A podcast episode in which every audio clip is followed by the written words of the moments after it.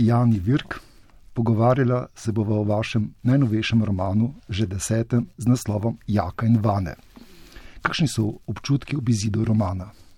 Ponovadi so občutki v izidu knjige vedno, um, gledajte, nekaj med olajšanjem, veseljem in depresijo v bistvu. Uh, olajšanje, ker gre to ne v isto primeru s kakšnimi težkimi deli, kot so delo v rudniku, kot so mogoče, absolutno ne mogoče delo v bolnišnicah in tako naprej. Ne.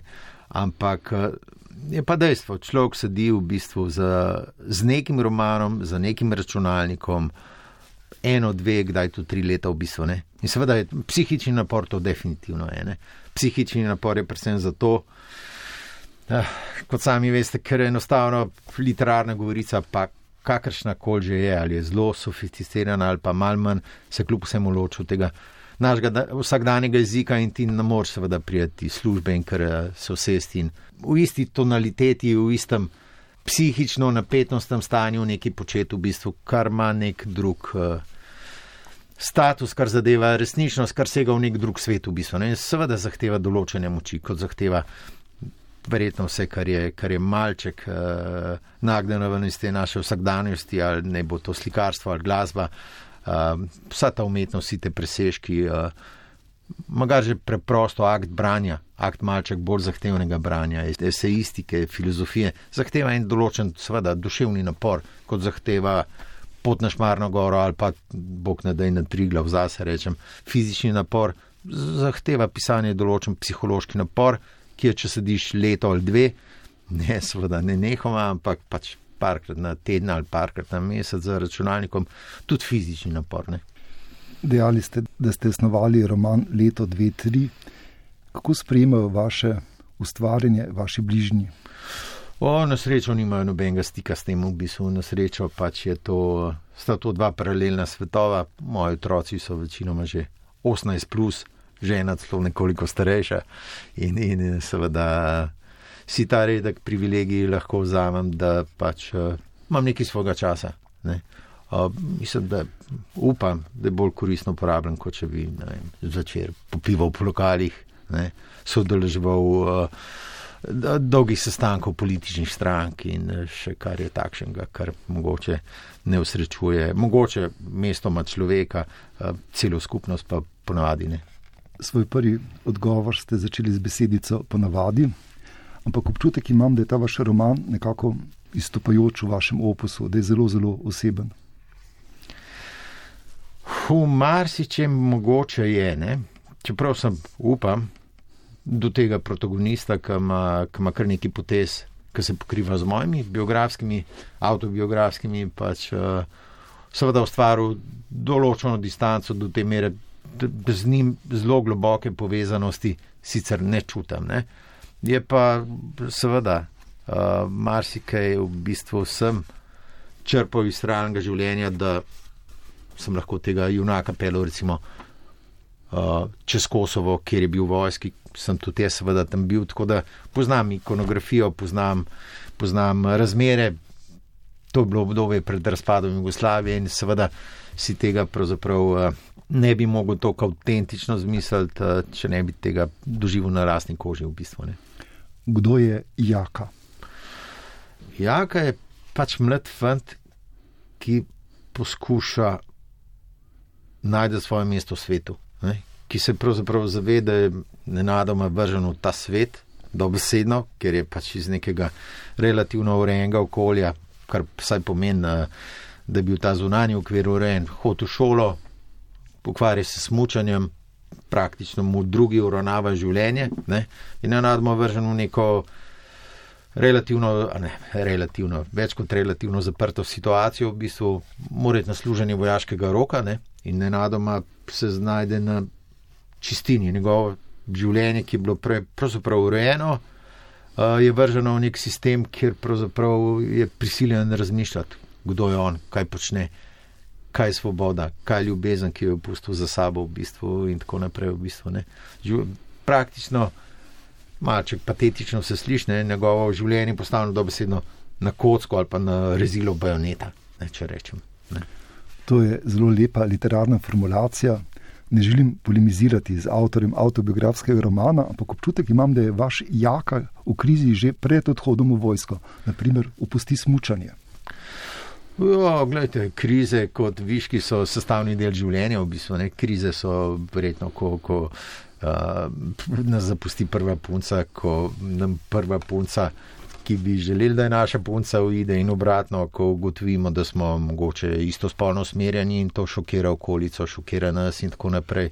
Krize so sestavni del odraščanja od vsaj od uh, najstniških ali pa recimo za nekatere od pubertetniških let naprej v bistvu. Ne. Uh, na splošno pa mislim, da je to naše življenje pač sestavno iz uh, kriz, srečnih obdobij, entropičnih uh, situacij, urejenih sistemov, vse to se meša. Mislim, da ni nič dokončnega v bistvu. Ne.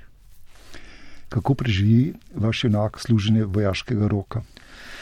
Preživi ga tako, da pravzaprav uh, začne iskati uh, svoj položaj v svetu in predvsem začne iskati uh, svobodo, ne? ker jo v zaprtem sistemu vojašnice ne najde, seveda v. Sledenju ukazom, um, militarističnim obrazcem, ki mu jih tam pravzaprav kot pečat uh, pritiskajo na kožo. Najde pravzaprav ta prvi izhod iz svobode, ker ne more pobegati čez mejo, kar si želi sicer v Italijo, najde odkrivanje umetnosti, ne? ker se je prej ukvarjal bolj ali manj športom, uh, mu je bil ta svet relativno tuj in uh, tu nastopi njegov antipod ali pa prijatelj, v bistvu vane, ne? ljubljanski uličar, uh, uh, uh, ki mu pravzaprav črtne malček uh, na širše in globje vrata v svet umetnosti, v bistvu. Ne? Prek, prek uh, mogoče incidenta, prek ranljivosti, prek. prek uh, Radikalnega krika po drugačnosti v nekem uniformnem sistemu, v bistvu. Ne? Vaš vane je zelo senzibilen, zelo bojemski. Bi mogoče povedali še kaj več o njem? O, vane me, ko sem v bistvu začel pisati roman, seveda sem ga, ne, sem ga pa ne bom govoril o imenih, sem ga, sem ga pravzaprav lik sem posvetil uh, nekemu mojemu do, dobremu prijatelju, ki pa pač nažalost ni več živ, ne, ki je bil pesnik, ki je bil režiser, ki je bil uličar z neizmerno veliko dušo in z, ne, z neizmernim velikim uh, občutkom za to, kako hodaš po svetu in ti uspe vedno znova padati v prepad in se mogoče tudi uh, kdaj više ali kdaj niže vrniti ven iz njega. Um, samo to ni ta moj prijatelj, v bistvu. Ne? Lik pa je navdihnil pravzaprav moj, moj, uh, rekel, to, moj žalostni, meholični spomin ali pa to pot tudi na tega prijatelja, v bistvu. Ne? ob branju vašega romana sem dobil občutek, da je nekako jaka bolj trpen, vane pa bolj dejaven. Uh mhm. -huh. Ob, to verjetno drži, ne? na nek način sta komplementarna, se, se, se dopolnjujeta v bistvu. Ne? Jak je bolj pasiven, bolj z, mogoče bolj zmrznen v svoji, svoji uh, mentalni strukturi, ne? na nek način upam, da je ironični. Mislim, da sem to omenil v, v romanu. Je to posledica tega, da je leta in da je dolga, praktično vsa najstniška leta, pa še prej preživel na ledenikih, na snegu in ni bil zmožen pač zaradi, recimo, temu metaforično tega mraza, ne pa verjetno tudi tega drila uh, športnega, ni bil zmožen razviti kakšne posebne gibljive misli, niti senzibilitete v bistvu. Ne. Tukaj je to autobiografska nota malne. To mal mislim samo ironično, ne, zdaj, ko govorim sam, tukaj sem jaz podoben občutek, ne? kot fant, ki se iz Ljubljane, pa kasneje iz Trzina, že od 15 do 5 odpeljal v Škofijo Loko, ker je bila tam športna gimnazija, po gimnaziji gor na neka smočišča ali je bila to sorca ali stari vrh, ne? in seveda nekaj moram priznati, ko sem prišel zvečer dan in sem poskušal študirati karkoli od angleščine do matematike, nisem več razumel. In takrat mi je bilo zelo jasno, da sem rekel, ok, verk, gledaj. Težko bo šlo tole skupine. Enostavno, očitno do konca življenja, kakšne pametne misli ne boš mogel razviti, ker te ta, sej to je meni kasneje postalo jasno. Ne, ni, ni bil seveda tukaj samo šport, bil je vsta princip, sistem, da mlad fant ustavil pred peto uro in se zvala ob desetih zvalil poslo in, in zjutraj spet vstoval ta mraz ali pa pač v to noč, karkoli je že bilo, odvisno od letnega časa. Ne. Tako da pol z leti sem videl, da zato niti ne smem to krivič porta, kot v bistvu uh, mogoče neustreznega ritma vsega tega. Ne. Če bi najbrž strmal v kraju, kjer je bila ta gimnazija, bi bilo to nekoliko lažje. Ne. Vsaj dve, tri ure na dan bi več spal, če ne drugega lahko. Ne. In mogoče razvil kakšno malček bolj sofisticirano misel. Seveda pa nočem reči, da so te misli zdaj bistveno bolj sofisticirane, pa pametne, kot so bile pri 17-16. Jani Virk, bi nam prosim prebrali kakšen odlomek iz svojega romana? Ja, bom kar, kar začel na začetku, kot se reče. Najprej skozi jutranji hlad padlo prvo koruzno zrno. Osamljeno je komaj slišno poskočilo po kovinskem dnu prikolice in obmirovalo. Hip zatem so vse naokrog začela poskakovati nova zrna. Prebadali so zrak, najprej narahlo kot komaj slišni zamahi metuljivih kril, potem močneje kot brenčanje muh in na zadnje kot divji vrtinec osega roja. Zvoki so od zunaj in od znotraj zadevali obošesno membrano na križišču san, spanca, nerazumljivih podob pred vrati budnosti. Sem sanjal, da nad menoj čez celo obzorje visi veliko granatno jabolko, iz katerega name padajo semena. Odprl sem oči. Levo od svojih stopal dva metra nad sabo zagledal široko cev, skozi katero se je usipalo kruzno zrne in skočil po koncu. Izgubil sem ravnotežje in ujet v spalno vrečo skoraj padel. Bil je še mrak in videl sem lahko le dve silhujeti silusov, kot betonski potomci kamnitih stražarjev večnosti z tihomorskih otokov, so nemo stražili dvorišče, na katerem je bila kolona tovrnjakov. Ni bilo časa, da bi razmišljal, kaj se dogaja. Zrnje se je razlivalo po prikolici in mi segalo že čez gležnje. Vane, greva, sem zapil pr proti prijatelju, ki je še vedno spal v mojih nogah, čez glavo pokrit svojo kavbojsko jakno. Skopacal sem se iz spalne vreče, ga dvakrat supergo dregnil pod stegna in mu z glave potegnil jakno. Obrnil se je, da bi naprej spal, s prsti sem ga švrknil po obrazu, da je še prednji odprl oči, pljunil proti meni zaklev. Zmiga je kreten zasulo na nebo, sem zapil skozi šumenje zrnatega rastlinskega hudournika, zgrabil svoj in njegov nahrbnik ter se pognal do roba prikolice. Nahrbnika sem odvrnil čez stranice in še isti hip prepozno pomislil na usodo porcelanastega krožnika v vanetovem nahrbniku. Se zavihtel čez stranico, stopil na zonalni strani na kovinske zatiče in potem na kolo in odskočil na tla. Fak sem kmalo potem med bočnim šumenjem zaslišal vanetov glas in čez nekaj trenutkov zagledal nad robom kovinske stranice njegov zaležani obraz z razmršenimi lasmi. Napoj je že zlezel čez stranico in potem zastal. Je bem ti je rekel in me pogledal obupano, kot bi pozabil na ležišču svojega ljubega otroka, ki ga takrat še ni imel, ali kakšno drugo stvar, vsekakor dragocenejšo od njegovega življenja. Izgubil sem je spred oči in izginil nazaj proti sredini prikolice, proti šumečemu slapu zrn. Nisem mogel verjeti, da je odšel nazaj. Zagnal sem se proti kamionu, stopil na kolo, se uprijel kovinske stranice in čez rob za njim upil, naj se takoj vrne. Ni me mogel slišati, niti sam nisem slišal svojega glasu, izgubljal se je med šumečim bobnenjem koruze. Lahko sem ga videl, kako do kolen potopljen v zrne okrog mesta, kjer so še pred manj kot minuto spala z dlanmi divje odriva naraščajočo rumenkasto gmoto in brede proti kovinskemu dnu prikolice, obupano pogleduje proti zrnati lavi in potem z roko zabrede vanjo. Hotev sem že splezati čez rob in ga zvleči z tovrnjaka, ko je nadoma izpod zrna potegnil lesen črviv lestenec s tremi kraki, na katerih so sedeli keramični ptiči, trofejo iz starinarnice v Troaju. Širokim nasmehom je skozi gosto kruzno lavo zabredel proti meni, pred sabo je držal lestenec in mi ga potisnil v roko, da sem skoraj izgubil ravnotežje in sem odskočil na tla, preden bi se zadrsal navzdol ob tovrnjaku in si v prikolici razpraskal obraz.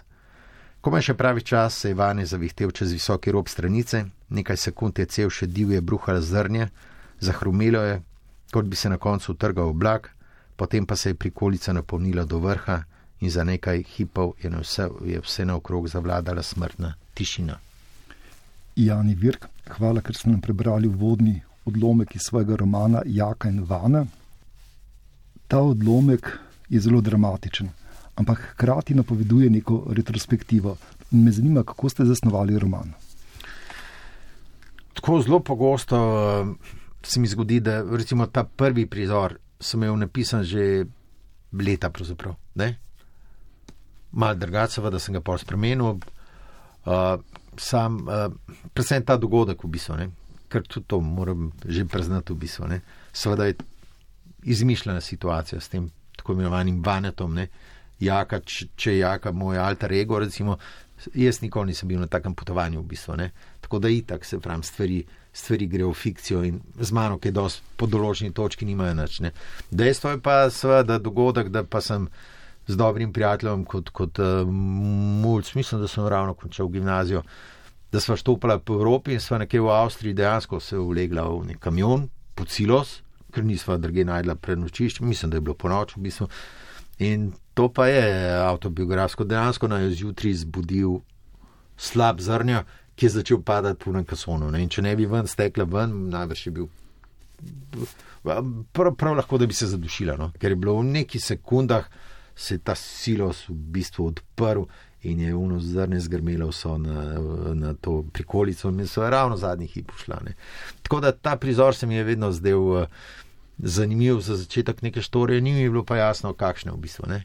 In polka se mi je pa to, um, se mi je pa pač v glavi sestavili, da bi želel na nek način eh, preveriti, a sem bil v 80-ih letih živ, pa kaj se je dogajalo na splošno, pa kakšen čas je bil to, pa pa se mi je vse to začelo sestavljati neko zgodbo v bistvu. Ne? Seveda ne zgodbo o meni osebno, ne? ampak zgodbe o enem času, v katerem sem živel in ki je bil, kot se je izkazalo kasneje, precej formativen za to, kar živimo danes v bistvu. Ne? To so bila ta 80-ta leta, vsem tem vrvenjem energiji, vsemi temi družbenimi gibanji, vsem tem. So to slo po anarhiji, po svobodi, po, po vsem tem, kar takratni sistem ni omogočil, pa smo si hoteli izboriti v bistvu.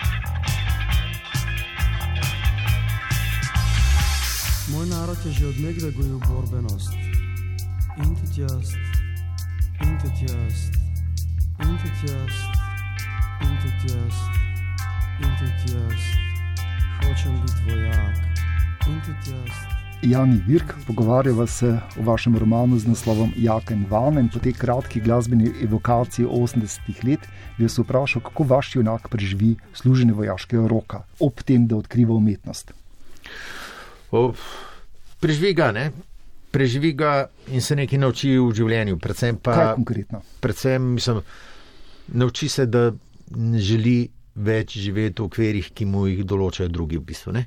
In poskuša najti svojo svobodo v bistvu. In nekaj časa potrebuje, da vidi, kaj je, preprosto sem rekel, kaj je tisto mogoče skoraj edini talent, ki ga ima, pa ga hoče razvijati.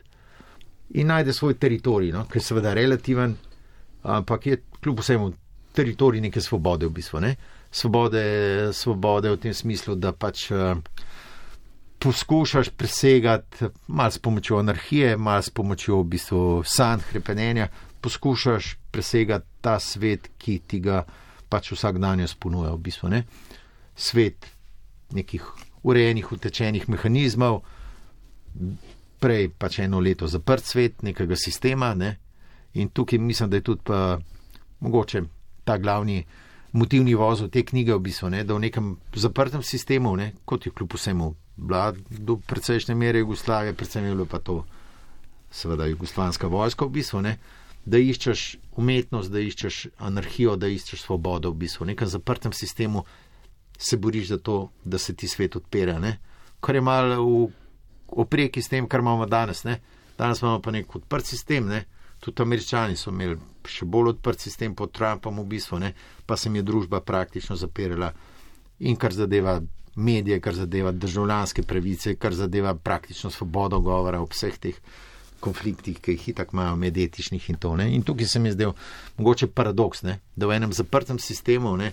in to, to sem že v življenju parkrat na letu na te diskusije, se spomnim pred leti, so se slučajno na enem srečanju neki sporekla s kasnejšo vse. Nobelov nagrajenko iz Romunije, pač uh, Herto Miller, ker pač sem rekel, ja, pri nas v Sloveniji je bilo tako, da pač ta sistem, ki je bil seveda zaprt, ki je bil enopartijski, je omogočil, da so, da so pač avtori so silo, so močjo, pravzaprav svoje imaginacije, presegali ta sistem in je bil na nek način, vsaj kar zadeva literature, bil kreativen. Ne? Imeli smo sjajne romane, od Jančarjevih sjajne drame, od Strniša do Rožanca, kar seveda ne pomeni uh, apologijo kakšnega zaprtega sistema, ne? sam pač pomeni nek mehanizem. Ne?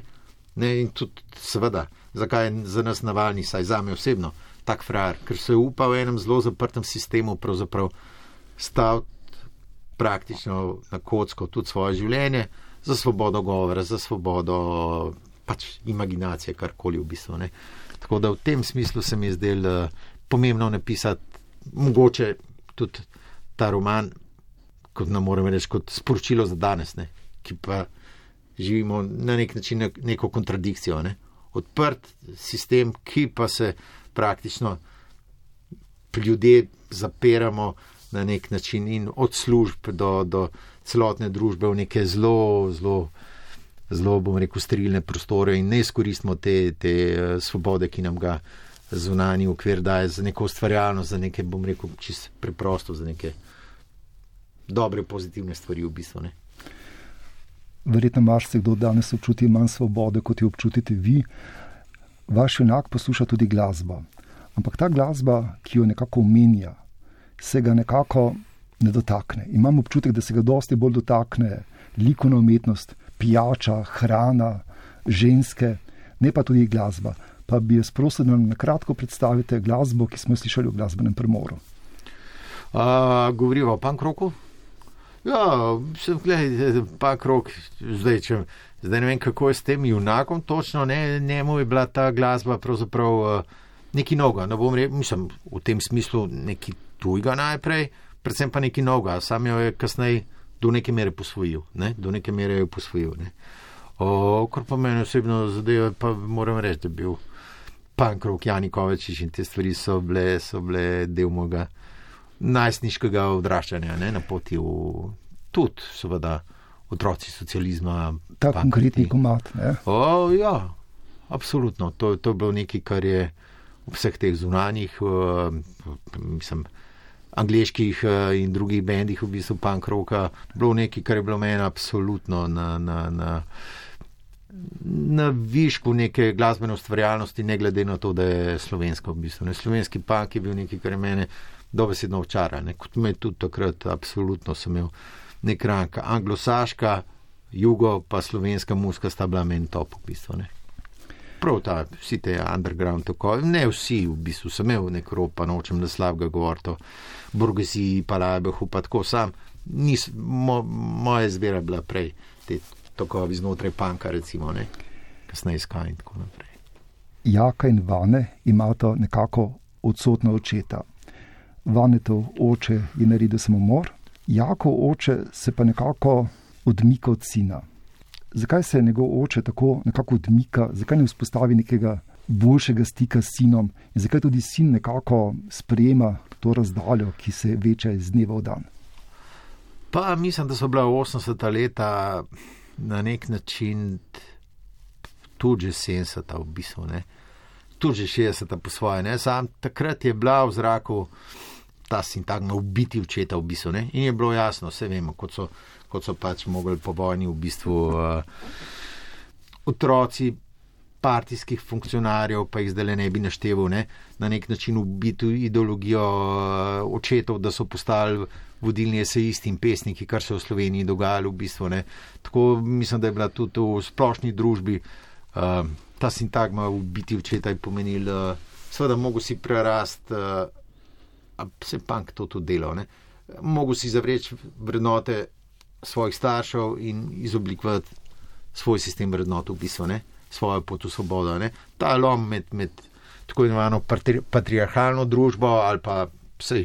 Mislim, da je šlo to z, z roko v roki v bistvu. Na, v velikem planu pač to ideologijo državno partijsko, ne? seveda tukaj je bilo treba to zavreči, pa sesuti. Mislim, da je bilo tudi v privatnih življenjih pogosto tako, da so se vrednote staršev, pa vrednote generacij, ki so prihajale, pač uh, uh, ponovadi kar temeljito ali pa celo radikalno uh, uh, razlikovali. Ste hoteli z romanom nekako simbolno ubiti očeta? Ne, niti ne ker je tudi recimo pozicija očeta, ki jo ima jaka noter, mislim, ni, upam, ni tukaj črno-belo slikanje. Ne? On je bil en tak, eh, ta jaka to oče, en tak, eh, pravzaprav mogoče zanimiv lik, ne? kljub svoji patrihalni drži v bistvu, saj bi za visinu, ima, ima vse nekaj uporniškega, ima nekaj, nekaj kar, kar razbija nek monolit, ne? čeprav. Uh, To, ja, v zameno za drugega, morda samo. Okay. Njegova ljubezen je nekako pogojna. Ne? Ima rad sina takrat, ko je uspešen. A, ta mehanizem poznamo zelo pogosto, v bistvu. Ne? Ta mehanizem poznamo zelo pogosto. Spomnim se besed, mislim, da je Elijas Kaneti v eni svojih uh, autobiografij napisal, da je zelo, zelo dolg rab v bistvu, da se je v življenju naučil naslednje. Ne? ni bistveno, kaj počnejo naši otroci, pa ljudje, ki jih imamo radi. Ne? Bistveno je, da so, da obstajajo, da živijo v bistvu. Ne? In to je, to je blizu te potem brezpogojne ljubezni, ne glede na to, a se mi strinjamo, a upoštevamo, seveda, logično, da tukaj enih osnovnih etičnih načel ne moramo kršiti, da lahko prije ta logika na delo. Samo to se mi zdi lepo, pravzaprav. Vse smo vsi nagnjeni k temu, ne? vse je itak pustimo, vsi sistemi, upravljavski, vse politične stranke in nažalost na v veliki meri, ne, predvsem v patriarhalnih družbah, pa verjetno zdaj, ko gremo v smer matriarhata, bo kmalo tudi po drugi strani tako pravzaprav pričakujo ali kdaj celo zahtevajo. Uh, Zvestovo našim vrednotam, načelom, ne marajo odklonov, ne marajo teh anarhičnih, v bistvu, uh, uh, anarhičnih prebojev nekega sistema. Ne? Mene pa to blizu in pač mislim, da je to ena glavnih poant tega romana v bistvu. Ne? Da v tem svetu, ki ga na nek način določa ta gojovska struktura, temačna po svoje, ne? da je seveda v svetu ogromno nasilja, ogromno kaosa, ogromno grotesknega. Ne? Nas mogoče lahko rešuje uh, tudi to, da te zaprte sisteme prebijamo in pol kdaj lahko splavamo v področje čiste ali pa neinteresne ne, ne ljubezni, umetnosti in tako naprej. Če stanemo pri tej tematiki, ki ste jo pravkar razvili, odkot zajema vaš valne moč, energijo, da je nekako svoboden? Pa iz nekega notranjega, po mojem, gibanja. Jaz upam, ne, da, da je v večini ljudi, pa mislim, da tudi je ne, ta slab po svobodi v bistvu. Ne. Vemo, človek je omejen, biološko omejen je s svojim, seveda, rokom trajanja na tej zemlji, omejen je z drugimi omenjeni uh, z družbo, seveda, v kateri živi in tako naprej, ne svojo kulturo, bla, bla, bla in tako naprej. Samo zdi se mi, da je to dobro, če bi rekel po jungovsko, ne, da mogoče. Ta štartni impuls za začetek individuacije je, je pač uh, absolutno uh, tak. Gom po svobodi, ki pravzaprav ni nič drugega kot gom po tem, da to, kar je v nas živega, spravimo v neko obliko, ker se počutimo živi. Ne? Da nismo ujetniki nekega zaprtega družinskega ali družbenega, političnega, kakšnega koli sistema, ne? ampak da čutimo svojo relativno svobodo z vsem, kar prinaša dobrega in seveda slabega, ne občutke minljivosti, tesnobnosti in tako naprej. V bistvu. Sam to spada k življenju, seveda. Ne? Mislim, da so ravno zdaj le. Ja. Ja. Posneli nadaljevanko angliži lani uh, po Huxleyju, ker, ker uh, krasni novi svet, ne? ker vsak impuls uh, v smer empatije, čustva zatreš tem, da poješ eno tableto. Tega pravzaprav nočemo, čeprav pogosto počnemo.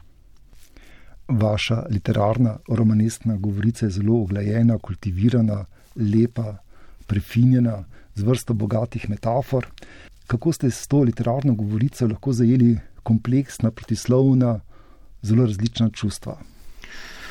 O, to prepuščam bralcem. Jaz samo upam, da mi je to pač dejansko uspelo v bistvu. Da, je, da, so, da delujejo v romanu in nizke legejo. To, to pač, vemo, je kar ogromno pijančevanja, neki mamil neki obiskov ali pa saj, saj uh, sanjanja, sanjarja na obiskih javnih hiš in tako naprej. Ne. Zdaj,